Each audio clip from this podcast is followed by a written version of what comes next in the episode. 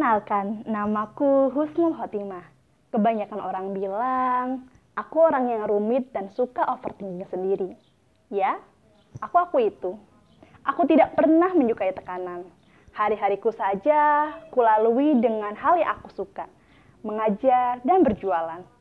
Tapi, kalau begini terus, aku bakal jadi apa?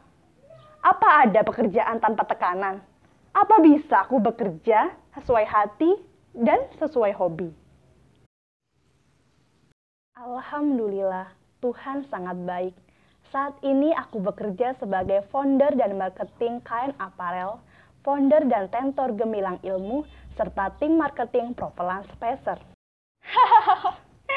Mungkin kamu juga menertawakanku. Apa yang bisa dibanggakan dari bisnis kecil macam itu? Namanya saja baru kali ini mungkin kamu dengar. Tak apa, aku tetap bangga. Aku bisa mendapatkan 2 juta rupiah lebih dalam sekali PO kain aparel, 3 juta rupiah lebih dalam satu bulan mengajar sebagai tentor privat, dan ratusan ribu rupiah sekalinya aku niat berjualan tiket pesawat.